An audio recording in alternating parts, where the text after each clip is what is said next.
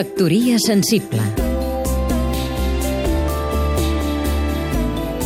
Jordi Llavina, escriptor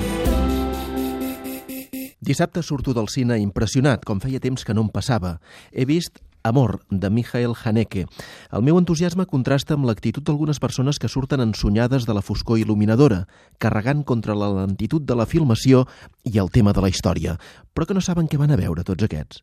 Commogut amb la feina dels dos actors principals, Emmanuel Riva i Jean-Louis Trintignant.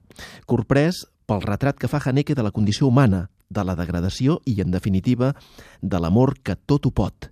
El meu entusiasme també deu tenir a veure, suposo, amb la figura de l'actor francès. Amb el llibreter Guillem Terribas sempre acabem parlant d'Éric Gomer i d'aquella meravellosa pel·lícula titulada Manui Chemot. Allà, un trentinyon de 39 anys interpretava un jove Antoine Vidal, un catòlic de pedra picada que estava convençut que acabaria trobant una noia rossa i de missa, com ell. Vidal es passarà una nit sencera filosofant amb la seductora Françoise Fabian, a casa d'ella, i no cedeix a la temptació. A fora, una abundosa nevada ho colga tot de blanc, com en Els morts, de John Huston. L'any 94, Trentignan va fer un paperàs en la pel·lícula Rouge, la segona de la trilogia de Krzysztof Kieslowski, el d'un jutge retirat que espia converses alienes. Davant hi té, coneguda per atzar, la vella Irene Jacob, de qui s'enamorarà platònicament. La Jacob li ha atropellat el gos i és per això que es coneixen.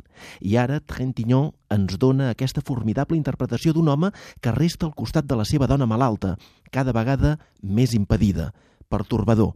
És el cinema que reflecteix la vida, la grandesa de la vida, el cinema del coratge moral, el de l'art en majúscules.